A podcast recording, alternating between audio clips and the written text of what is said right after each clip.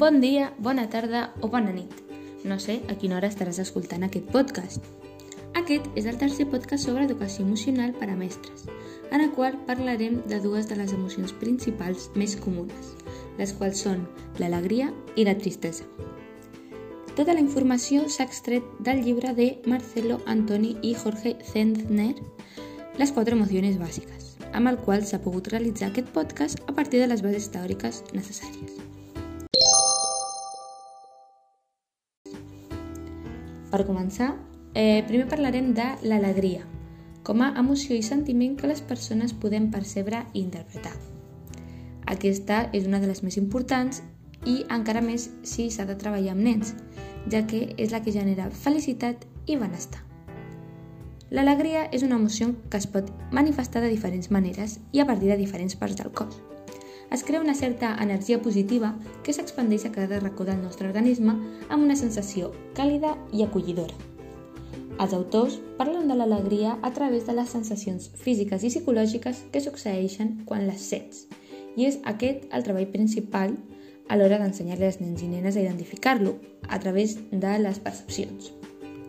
A nivell corporal, sents un escalfor en el pit i en tot el cos que fa que estiguis a gust amb tu mateix i amb el teu entorn i que tinguis la necessitat de voler compartir allò que sents amb els altres. Els tres nivells físics on es pot percebre aquesta alegria és a la zona pèlvica, on es porta a terme aquest sentiment relacionat amb l'erotisme i l'excitació.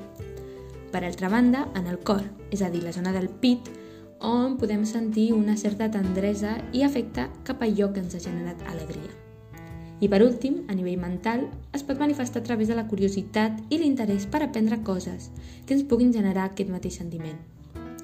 A les aules s'ha de treballar per a que els nens puguin sentir alegria durant les classes i durant el període d'aprenentatge, per així poder generar aquest sentiment de curiositat per aprendre i la necessitat de compartir aquests aprenentatges per a poder interioritzar-los més ràpidament. L'educació emocional a les aules ajuda a saber gestionar-la i equilibrar-la amb altres emocions, entenent que totes són igual d'importants per a poder créixer com a persones en la societat. Per aconseguir una bona gestió a través de l'educació, com a mestre també has d'ensenyar a gestionar aquesta frustració, la qual es troba al costat de l'alegria, però que molts cops és difícil de percebre. A continuació, parlaré sobre la segona emoció més important a tenir en compte a l'hora de treballar amb infants, ja que aquesta pot generar altres sentiments secundaris com la frustració, la melancolia o la por, la qual és la tristesa. Aquesta, al contrari que l'alegria, ens genera un sentiment de confusió i abandonament que no ens permet veure aquesta part positiva de les situacions que s'estan vivint. És per això que molts cops es busca la companyia quan ens sentim tristos, per poder deixar de sentir-nos sols i poder transmetre allò que sentim, per sentir-nos compresos i acompanyats. Aquesta tristesa es pot deure a la desaparició d'un vincle que abans existia i ja no, eh, d'un que s'esperava però que mai s'ha arribat a formar. Pot ser la pèrdua d'algú, la pèrdua de la il·lusió per a realitzar alguna cosa, la frustració d'alguna cosa que no ha pogut ser, entre altres. Físicament et genera desconfiança i rebuig cap a tot allò que està passant al teu voltant.